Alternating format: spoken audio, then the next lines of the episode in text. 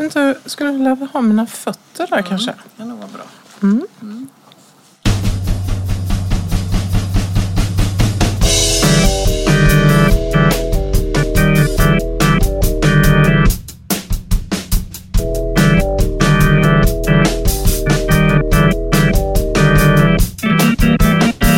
Idag eh, ska vi i våran podd, det är ganska länge sedan Lena. Ja, det Ja, vi har inte poddat nu sedan i december någon gång. Idag hade vi tänkt att ägna dagen åt att prata om narcissism. Och eh, som, det är ju våra tankar utifrån det, eh, begreppet narcissism. Det finns inga sanningar här utan det här är ju så som vi uppfattar saker och ting och lite tankar från oss. Eh, jag tänkte på det att jag undrade faktiskt om du är narcissistisk. Hade vi bestämt att du skulle fråga det? Nu frågar jag det ändå. Ja, ja. Eh, ja, det är klart att jag är till viss del utifrån hur jag tänker om det begreppet att alla har ju narcissistiska drag. Ja, inte jag. Inte du, nej, men alla andra. Och det är ju graden av det. Och det är väl det vi kommer att prata om idag. Att det finns... Eh, för att ha narcissistiska drag innebär ju att jag har en viss självmedvetenhet och det är ju nödvändigt för att må bra. Så måste man ha eh, fyllt på sig, ha en viss självkänsla så säga. Så att det kan man nog säga att jag har. Mm. Det var, det, även om inte du hade räknat med frågan nu så tänker jag att det är kanske är där man ska börja liksom. Med det generella. Att vi alla har narcissistiska drag som är nödvändiga för oss. Precis som du säger, att kunna ladda oss själva när vi behöver. Som till exempel i en sån här situation som vi sitter i nu. Ja, detta är en ganska narcissistisk situation. Precis. Annika Koster och Lena Lundqvist är socionomer och legitimerade psykoterapeuter. De är verksamma vid Göteborgs psykoterapiinstitut. De pratar på om psykoanalytiskt tänkande och psykoterapi. Allting börjar ju egentligen med Narkissos-myten, eller hur? Och det är ju en av de här myterna tillsammans med Oidipusmyten som är liksom eh, centrala inom det psykoanalytiska tänkandet. Och Narkissos-myten den nedtecknades ju faktiskt 43 före Kristus till 17 efter Kristus. Letade jag av Publius Ovidus Nasos. Och vad handlar Narkissos-myten om då? För denna är ju så vida känd. Jo, om vi utgår från den så handlar det ju egentligen om den här unge fagre ynglingen som alla fylls av begär när de ser honom men som inte själv har något begär efter någon annan. Och du får hjälpa mig nu Lena, men var det inte så att han gick ut i skogen? Han gick, ja just det, Ja. och så hittade han ett vattendrag eller en källa. tjärn, en tjärn. tjärn. Ja. Och så satte han sig där. Och så föll han i stor kärlek när han såg det som reflekterades i vattnet, det vill säga bilden av sig själv. Ja. Då Ja. blev han djupt förälskad. Han blev själv. djupt förälskad och det fanns ingen annan för honom än denna, detta ansikte han såg där. Och detta leder ju till att han så småningom tynar bort där i skogen. Eller hur? Därför att det fanns ju ingen annan där. Det var bara han och hans bild. Ja, Eko fanns någonstans i bakgrunden men vi går inte så mycket in på henne idag. Nej, i och med att han förnekade alla andra relationer så blev han väldigt ensam också. Ja. Och tynade bort kan Ja. man säga. Men sen har man ju tänkt, det är ju många som har skrivit om det här Narkissos-myten och också sagt det att men kanske är det så ändå att Narkissos i sin egen bild egentligen söker någon annan. Just det. Eller hur? Kanske söker han den förälder som med sin blick skulle möjliggöra för honom att bli en separat individ. Men så blir det ju inte. Utan han drunknar i sig själv kan man ju säga. Och då är en komplikation till. Om jag minns rätt så är han ju gjord, eh, han är ju frukten av en våldtäkt. Just det. Vilket gör att man kan ju tänka, bara fundera över om man som mamma föder ett, eller som man föder ett barn som är eh, följden av ett övergrepp. Hur det blir att ta hand om det barnet. Så vi kan ju bara ha funderingar över hur relationen mellan mor och barn var där för honom. Apropå att han kanske söker sin mammas spegling egentligen, när han söker sig själv. Narcissism är ju idag egentligen ett ganska urvattnat begrepp. Alltså vi kan nästan i varje helg läsa i helgbilagorna i tidningarna så, så märker du om din partner är narcissist. Mm. Eller din chef. Eller din chef, mm. eller din, dina barn eller vad det nu kan vara. Och det som är med det, det är att det finns något väldigt intressant. Att det är aldrig en fråga, eh, är du själv narcissist? Utan det är alltid andra som är det. Ja, precis. Man ska pricka in de andra. Ja. Och kanske är det så att om man finner att man har en narcissistisk partner så är det också den egna narcissismen man ser. Men Freud, han var ju den som först gav sig an och använde begreppet narkissosmyten och begreppet narcissism. Det var ju han som förde in det i psykologin kan man säga. Och då är vi tillbaka till början av förra seklet. 1914. 1914 skrev han Introduktion till narcissism. Ja. Och eh, det som Freud menar då det är ju att detta är ett normalt utvecklingsstadium i alla människors liv. Och det kallade han primär narcissism. Och det är tidigt då. Det lilla, lilla barnet måste för att bli en individ fylla på sig själv hela tiden och bygga upp sig själv och har då inte råd att eh, intressera sig för någon annan. Och det vet vi att så är ju alla bebisar. Fylla på sig själv och samtidigt bli påfylld av sina föräldrar. Speglad och mammad och härbärgerad. Så att han menar ju det att det är ett normalt stadium. Och eh, eh, sen kan man ju då tänka Freud har det här begreppet libido som egentligen betyder livsenergi, livsdrift. Va? Att, att det är att fylla på sig med massa livsenergi. Och, och, och sen, för att sen så småningom då, när man blir lite större, flytta över det i andra objekt, det han kallar för objektlibido, att man lägger sin, sin, sin, sina livskrafter i andra som blir viktiga för en. Och mer och mer ju äldre man blir gör man det, så att man balanserar det egna och det är så det här kommer in, att man kan leva sig in i andra och vara empatisk och så. För en väldigt gravt narcissistisk person har ju inte förmåga till empati och inlevelse i andra utan är uppfylld med sig själv. Så så säger väl Freud och han har ett väldigt fint uttryck. Han pratar ju om His Majesty och vi kan säga her, His or Her Majesty the baby det är ju det lilla barnet som ska få vara kung och drottning. Man måste få vara det när man är liten för att sen kanske slippa jaga kungatronen när man blir vuxen. Så behöver man en period av väldigt narcissistisk påfyllnad av mycket kärlek, omsorg och spegling för att eh, inte behöva sträva efter makt och, och, och äregirighet när man blir vuxen. Så att His Majesty the Baby. Eh, ja, vad säger han mer? Sen säger han ju det att Jo, han har ju det här begreppet sekundär narcissism också, men vi det på Freud. Och det är ju när man har lagt ut det på andra människor och helt plötsligt drar tillbaka det till sig själv igen. Då kallas det för sekundär narcissism. Och det är ju det som händer till exempel vid psykotiskt insjuknande kan man säga. Jag är en människa med relationer och jag laddar andra och jag har relationer till andra. Helt plötsligt så händer någonting. Jag lämnar verkligheten och tar tillbaka alla laddningar i mig själv. Och då kan man säga att har jag tappat kontakten med verkligheten och då är jag psykotisk. Så det är ett, ett, sätt att tänka om det. Man kan alltså flytta runt det här och som någon sa, det är en smaksak hur mycket man laddar andra och hur mycket man laddar sig själv. Men att vi hela livet håller på med det här. Och en, ett annat exempel bara. Förälskelse är ett bra exempel tycker jag. I förälskelsen, då är man ju ganska galen. Då laddar man den andra med hur mycket som helst av sin egen energi, sin libido. Man flyttar över det i den andra. Och sen när förälskelsen tar slut så blir man alldeles tom då. Då måste man dra tillbaka allting till sig själv och bygga upp sig själv igen. Så förälskelsen är ett bra exempel på hur man flyttar runt sådana här livsenergier. Och i den livsenergin innehåller ju sexualitet men det innehåller också alla andra känslor som har med, med relationer att göra. Ja, och Freud han skrev ju någonting väldigt fint.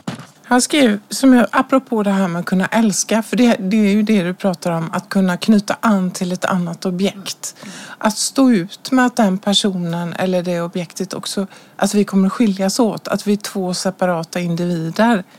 Och han skriver någonstans, vi måste börja älska för att inte bli sjuka och kommer utan tvivel att bli sjuka om vi på grund av frustrationer är oförmögna att älska. Och det är här han pratar om narcissismen. Att, den här oförmö att vara oförmögen att älska, det är ju enormt svårt. Va? Ja, och det är det som är möjligheten att komma ur starka narcissistiska drag. Det är ju att gå in i ömsesidiga beroendeförhållanden. För det är ju det som narcissisten skyr mest också. Det är ju beroende, rädslan för beroende. För då blir jag sårbar. Då kan jag och bli det, svag. det skrev ju sen Melanie Klein, en annan av våra teoretiker om. Hon skrev ju också om den här tidiga mor-barn situationen. Eller hur? Att barnet, mamma har ju allting som är gott. Och, eller föräldern har allting som är gott. Och någonstans handlar det ju om i vilken grad barnet också står ut med den här avunden för att mamma har allting gott.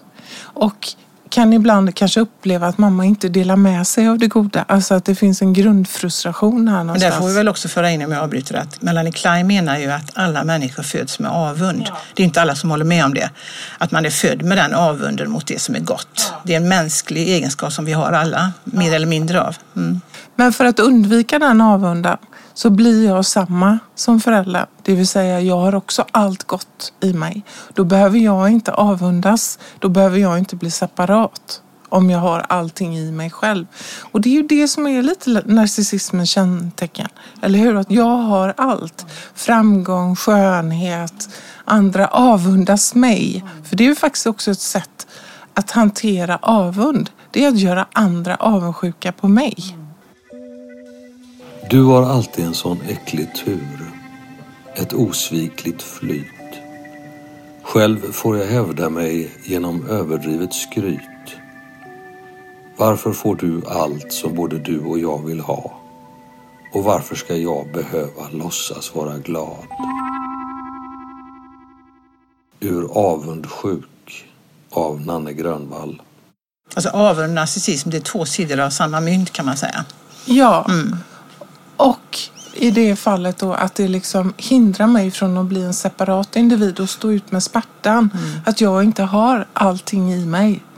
Att jag måste stå ut med smärtan av att vi är separata. Mamma och jag eller föräldern och jag.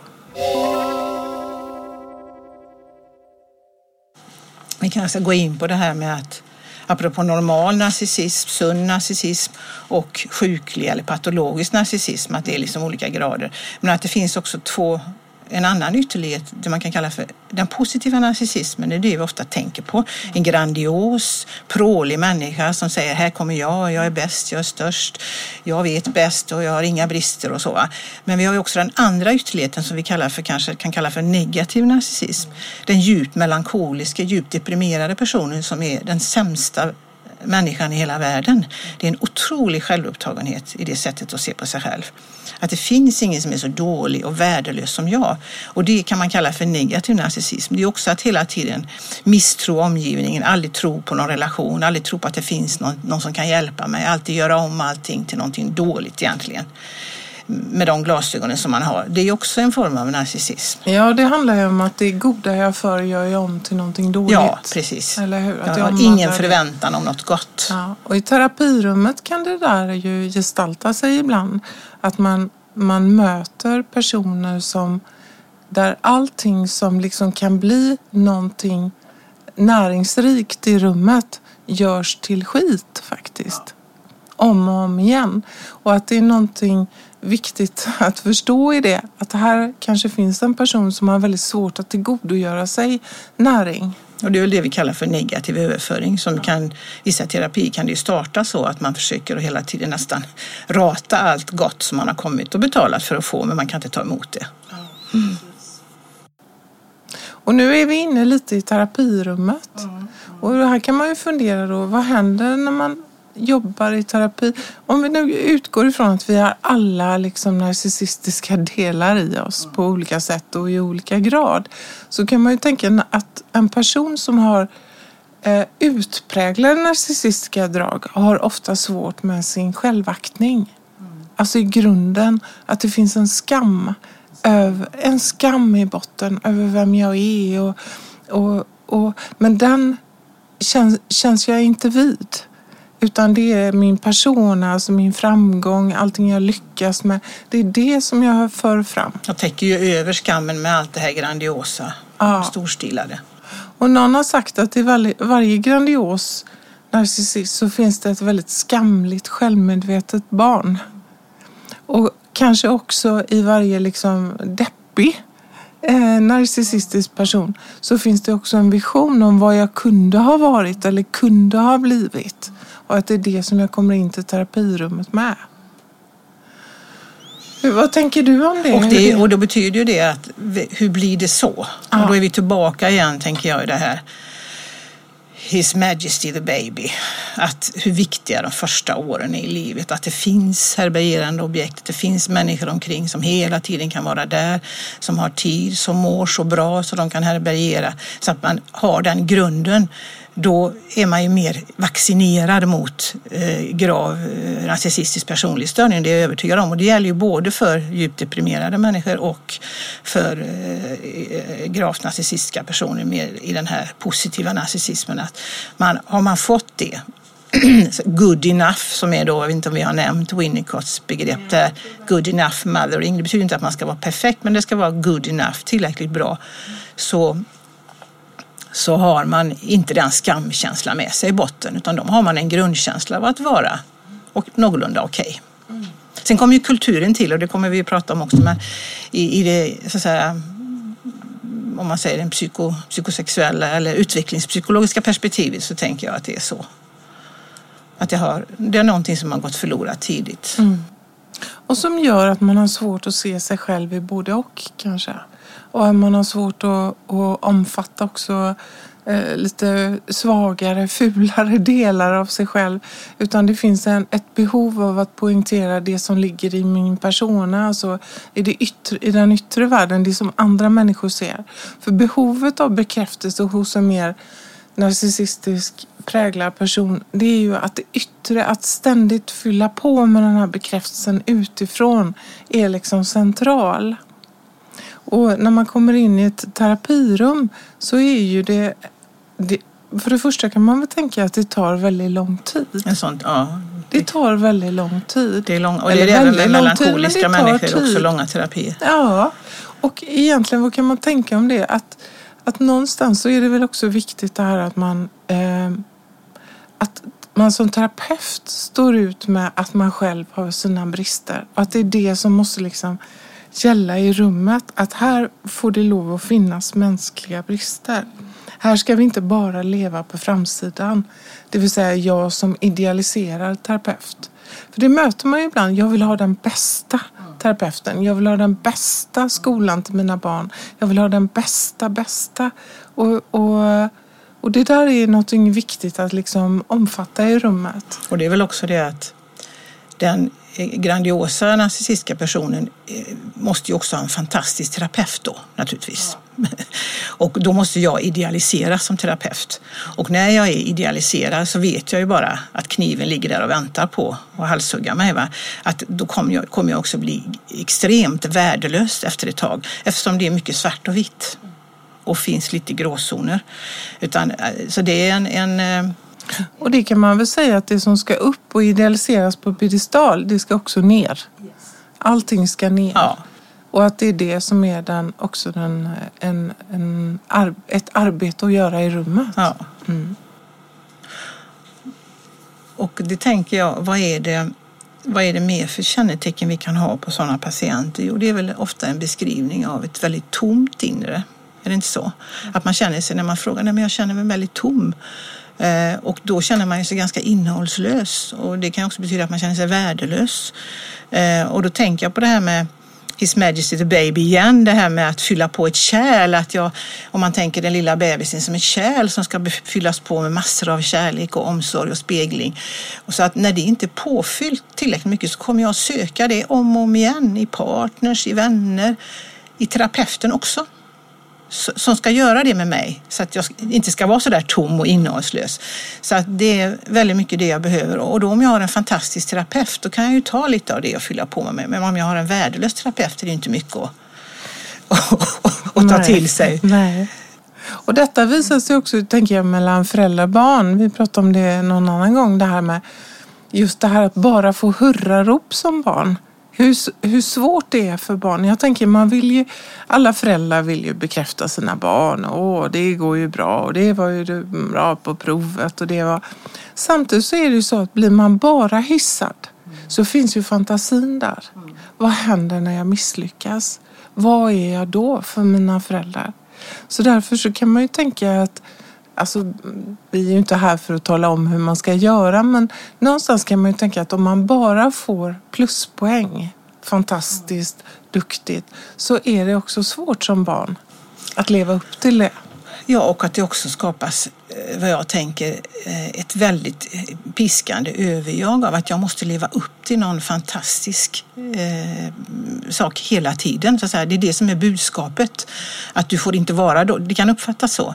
Eh, jag tänker på det här med, man pratar om generation ego, så där man millenniumbarnen och så. Att det var någon som hade frågat unga studenter då i 20-årsåldern. Tycker ni att ni tillhör en eh, narcissistisk generation? Och så sa de ungefär ganska lojt, ja men har man fått höra hela sitt liv att man är fantastisk så är det ju väldigt svårt att komma ut och inte, inte börja med att tänka att det är så. Och sen får man göra det arbetet själv då. Så man överger ju barnen de får göra det jobbet sen då, när de kommer till skolan, eh, kanske börjar med dagis, skola, arbetsliv.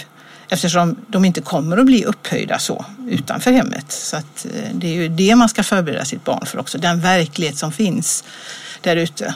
Och ibland möter vi ju det faktiskt eh, också i den kliniska verkligheten. Det här att, att ibland så finns det, alltså alla föräldrar värnar ju om sina barn. Ibland finns det en, en förväntan att skolan ska vara en för, fortsättning på hemmet. Att barnet ska bli lika sett i skolan som i hemmet.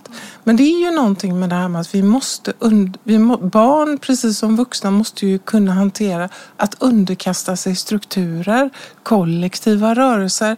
Det är ju så för att kunna klara ett liv. Livet är ju inte bara liksom skräddarsytt för mig. Nej, och också det här som jag tycker jag är det klassiska uttrycket för ungdomstiden, att det arbete man ska göra då, det är ju att inse sina begränsningar för att se sina möjligheter. Det här är väldigt viktigt. För att se det som är bra, det jag kan, så måste jag också se det jag inte kan. Och det här att bli en i mängden och inse att det här kan någon annan bättre. Men det här kan jag och då blir man ju också en lagspelare för man kan ju hjälpas åt när man har olika kvaliteter. Så att det är ju ett, ett eh, arbete mot att bli eh, mogen på något sätt eller vuxen. Det är ju att inse det här. Eller, det behöver man ju inte göra. Man kan ju fortsätta vara omnipotent och narcissistisk men man mår nog inte lika bra. Om man ska må bra då, så måste man inse att man är, tillhör en flock, man är en i mängden och man har kvaliteter men man har också brister. Och eh, annars så kommer man att bli ganska olycklig tror jag. Och nu kommer jag att tänka på, vi pratar om barn och, och terapirummet och narcissism, så kommer jag att tänka på en, eh, ett barn som jag jobbade med under ganska lång tid i terapi som hade en ganska svår hemsituation. Men som i varje gång vi träffades iscensatte samma lek. Där hans soldater alltid mejade ner mina. Gång efter annan. Och i det så fanns det en narcissistisk triumf. Att alltid vara den som var mest destruktiv och den som minsann hade kontroll över situationen i rummet. Och jag vet att jag många gånger tänkte på det att det var den här, det här lilla, det svaga, det lite dåliga. Allt, jag tror egentligen att den här, den här pojken som det var i det här fallet kände sig enormt eh, dålig, skamlig inuti. Men genom att få mig att känna mig ännu sämre och skamligare så kunde han liksom eh, visa mig hur det stod till genom att jag förstod hur det kunde vara kanske lite att vara honom. Du fick känna hur det var att bli nermejad? Hela mm. tiden ja. nermejad, gång efter gång efter gång. Och där finns ju, där är ju lite mer den här negativa narcissismen, alltså se till att alltid vara det destruktiva i den här triumfen. Jag är alltid värre än du. Och en del av det här tror jag vi ser ute på skolorna också idag. Faktiskt. Idag den här liksom narcissistiska triumfen i att det här är det jag som barn som kan ödelägga ett helt klassrum eller här är det jag. Och det är ju viktigt att hjälpa barn i det. Då kommer vi in på det här som jag, eh, den här det jag läste som jag berättade för dig innan nu, vad hette han, Stigler eller någon, någon filosof som pratade om en ursprunglig narcissism som alla har människor har. Och då menar han inte primär narcissism som Freud menar i tidigt utvecklingsstadium utan ursprunglig narcissism. Att man känner att man har en plats, att man har en tillhörighet, att man är ja, efterfrågad kanske och, och att man betyder någonting. Det behöver alla människor och då beskriver han ju, det är ju hans syn på det, att i det här otroligt konsumistiska samhället där det bara handlar om att köpa och sälja ungefär varor. Att man, man som människa förväntas man vara ett konsumerande subjekt och inte så mycket annat. Så tar man ifrån människor den här sunda narcissismen. Så han vänder på det, alltså att det är för lite narcissism då idag. Va? Att man behöver den här sunda grundplåten och känna att jag är viktig, jag behövs och jag har något att komma med. Och att, man håller, att, sam, att kulturen och samhället är så pass rått då, rent marknadsekonomiskt, så det tar ifrån människan detta. Och det kan leda fram till, som du säger, att man till slut kanske börjar skjuta på en skola för att bli någon överhuvudtaget. För att bli, bli, bli någonting, även om det är något väldigt dåligt så är man någon då. Mm. Så att det här begreppet är ju väl, man kan ju vända på det på väldigt många olika sätt. Ja, precis. Och, och där är vi, kommer vi in på det här med första in, det här med, med den samhälleliga delen och vad vi lever i nu. Och någon har talat om, om vår tid kanske som första intryckets diktatur. Mm. Att att det kanske inte är så idag att människor generellt är så mycket mer narcissistiska. Men att kulturen i sig kräver mer narcissistiska försvar. Att det finns en enorm längtan i alla selfie av att bli sedd. Men att det är omedelbarheten som styr. Det vill säga vad du lägger ut på Tinder eller Instagram eller så.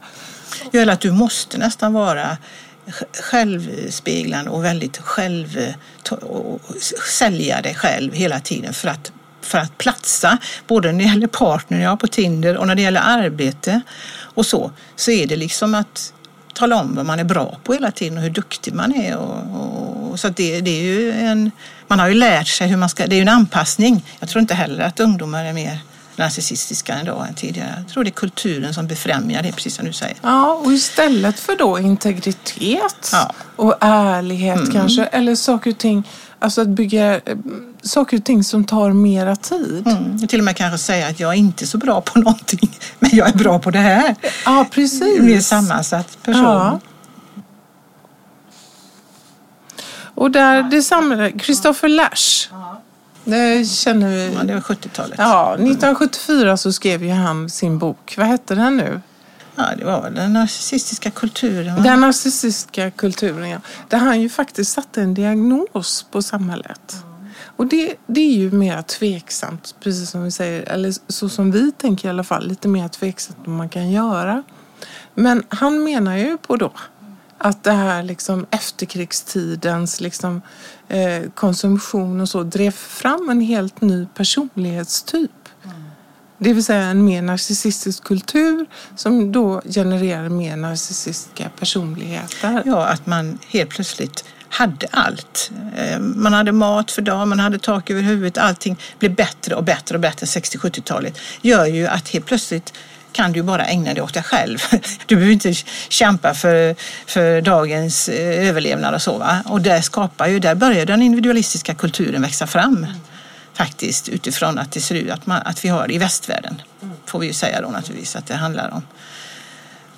Men eh, jag tänker på han sociologen Roland Paulsson tror jag han heter va? Han, han sa något väldigt intressant tycker jag också att jag tycker inte alls jag tycker det är lite oförskämt att anklaga den unga generationen för att vara curlade och bortskämda och narcissistiska och så vidare. För att han menar på att eh, vi har ju liksom övergett dem i det här individualistiska uppdraget att allt du gör eh, beror, alltså om du misslyckas så beror det bara på dig själv. Du kan aldrig skylla på någonting.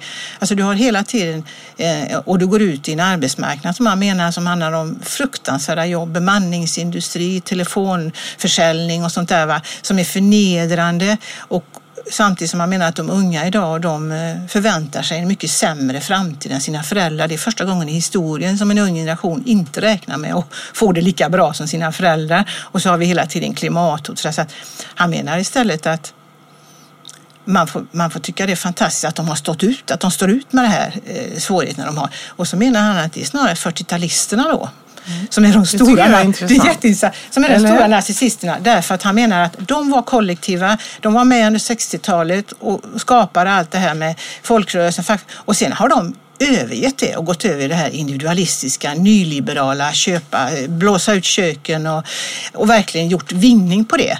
Because I'm worth it, som han sa då. Som det uttrycket kom då, because I'm worth it.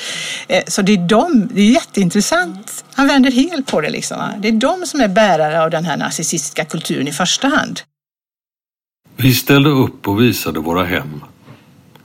Besökaren tänkte, ni bor bra. Slummen finns invärtes i eder. Ur stigar av Thomas Tranströmer. Och kan man tänka också, apropå det här som sker i samhället nu, jag tänker med klimatfrågan och så, som kräver helt nya lösningar på en global nivå och kollektiva lösningar. Att någonstans att det är så att att de här klimatförändringarna vi ser, man skulle ju kunna tänka sig det också som på ett sätt narcissistiska kränkningar på mänskligheten. Att det här kan vi inte påverka. Vi är, här finns ett grundberoende till naturen som vi inte kan göra någonting med, som vi måste underkasta oss och anpassa oss i och på global nivå kollektivt försöka förändra istället. Men att det är kanske skräcken inför det här gör det kanske också narcissistiska försvar. Jag ser om mitt. Eller hur? Och det är ju det som är, när människor blir rädda så kan man ju tänka att, de, att det här ökar på. Att vi ser mer om vårt lilla. Har jag mitt överlevnadskit i källaren om, om strömmen går? Inte på en mer kollektiv nivå utan mer var och en. Och det är möjligt att det kommer annat sen. Men att det här, att det också gynnar det här. Va? Jag tänkte också, eh, apropå tillbaka till terapirummet, det här att det är ju faktiskt lite grann det vi erbjuder i terapi. Det är ju en narcissistisk situation. Allt ljus på dig. Jag och du, vi håller på med dig. Vi håller aldrig på med mig som terapeut. Man får allt ljus på sig och det är en väldigt stark spegling. Det är en påfyllnad av narcissistiska behov. Och det är ju det som, fast det är inom en väldigt strikt ram, så är det ju ändå det lite grann vi gör. Eh, som jag brukar säga, att man får vara mängden för att kunna bli en i mängden så småningom så måste man få vara mängden. Man måste få vara His Majesty the Baby och det får ju patienten vara. Det är en unik situation på så vis att vi riktar alla ficklampor mot patienten i ett terapirum. Men hur blir det här i en organisation då? Det är också ganska intressant. Eh, om man tänker allt ljus på mig.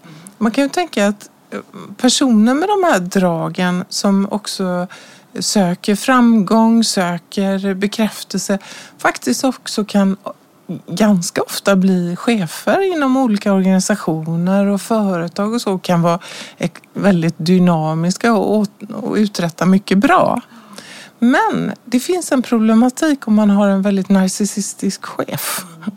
Eller hur? Och det är det här att den här skammen, det svaga, det dåliga, det hålls ju borta från situationen. Eh, också i chefskapet. Vilket gör att ibland blir det ju så att det är de anställda som bär den här svagare delen av personen. Och det kan faktiskt ibland också hindra från att kollektivt utmana en sån chef. För en sån person som är så i sig själv kan ju också bli väldigt destruktiv, eller hur?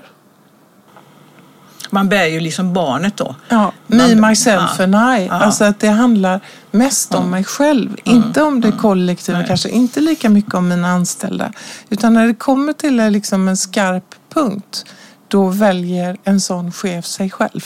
Mm. Och sen är det väl så att, vi, jag tror det är Körnberg som pratar väldigt mycket om narcissistiska kränkningar. Det är något speciellt att, att kritisera en, en väldigt gravt narcissistperson. Det är ju väldigt obehagligt. Det kan ju bli ett enormt hat. Och det är väl det man känner i en organisation också. Det kanske man känner intuitivt. Om jag kritiserar min chef så kommer jag att bli avrättad liksom. Så att det är en, en, en inkänning av den narcissistiska problematiken som gör att det är bättre att bära eller låta den här personen vara. Eh, vilket gör att det kan bli väldiga bekymmer naturligtvis i, i arbetslivet på sikt. Men jag har ju läst en artikel om det som, eh, som en, eh, en terapeut som heter Skinner har skrivit där. Hon har just har skrivit att det är överjagsneurotikerna som bär fram Narcissisterna. den narcissistiska chefen. Mm. Men det är ju det här lite mer liksom öppna, grandiosa. Men om vi också tänker, jag tänker på det, det finns ju en och annan kryptoprimadonna som går omkring. Kryptoprimadonna, vad är det för något? Nej men som i hemlighet. Ja. Alltså apropå det vi pratade om där, i hemlighet är väldigt narcissistisk men utåt ter sig väldigt... Alltså det finns ju den varianten också. Egentligen har jag rätt men jag anpassar mig och så blir det bra. Ja, ja, ja, Eller hur? jag tror faktiskt att det var Winnicott som beskrev som det någonstans. Att han var en Kanske lite mer kvinnligt då?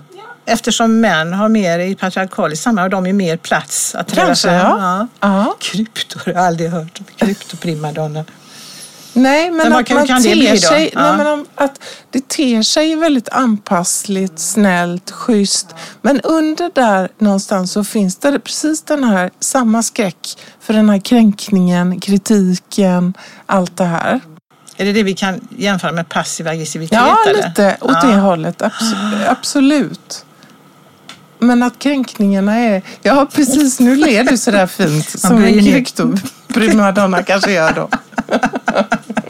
Ner med huvudet och så lite så här, Ja. Men du, vi pratar om det här med föräldrar och barn. Jag tänker på det här begreppet narcissistisk förlängning. Just det. Vad tänker du om det? Ja, att ens barn är ens narcissistiska förlängningar. Och det kan man väl också fundera över idag rent kulturellt då. Eh, Att barn har kanske blivit lite mer av ett projekt.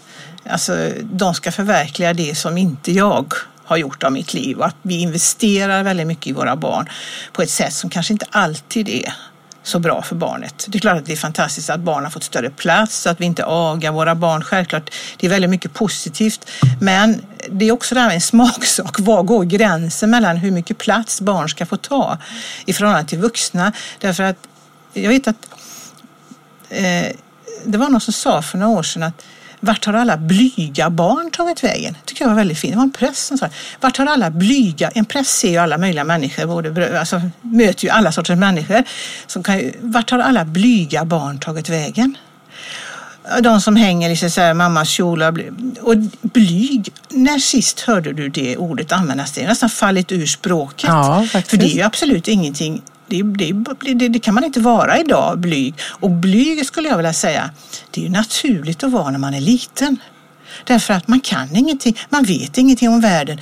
Man, alltså det är lite dumdristigt att bara kasta sig ut, här är jag, när man är jätteliten. Därför att man kan ju åka på världens proppar liksom för att man inte kan något. Så att blyghet skulle jag vilja säga är väl en ganska naturlig egenskap när man växer upp.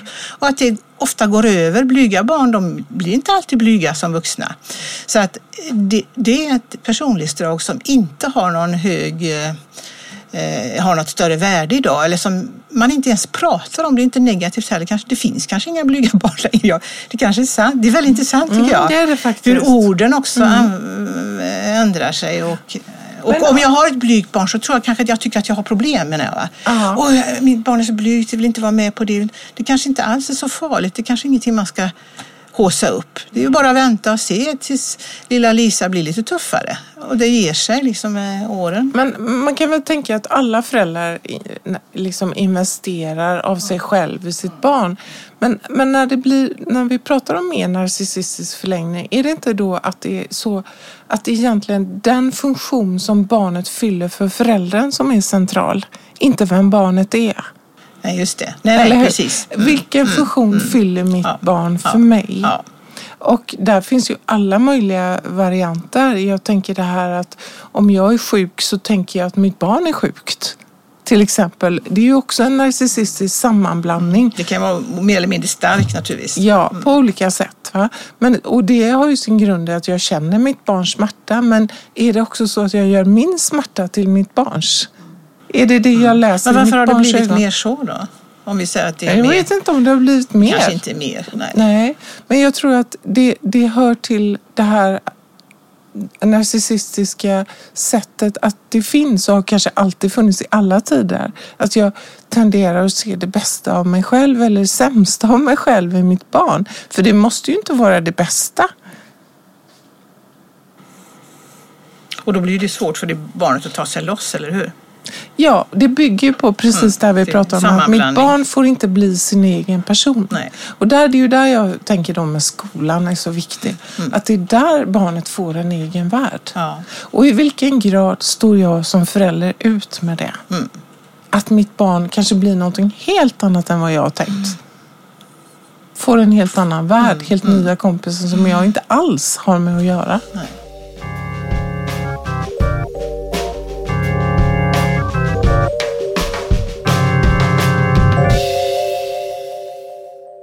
Är du sjuk blir jag sjukare. Jag bryter samman. Är du glad? Då är ju jag bra. Gränsen upplöst. Skillnaden förnekad. Skrik inte. Då bryter jag samman. Mår du bra utan mig? Då bryter jag samman. Går du din egen väg? Då skriker jag. Dikt av Annika Koster.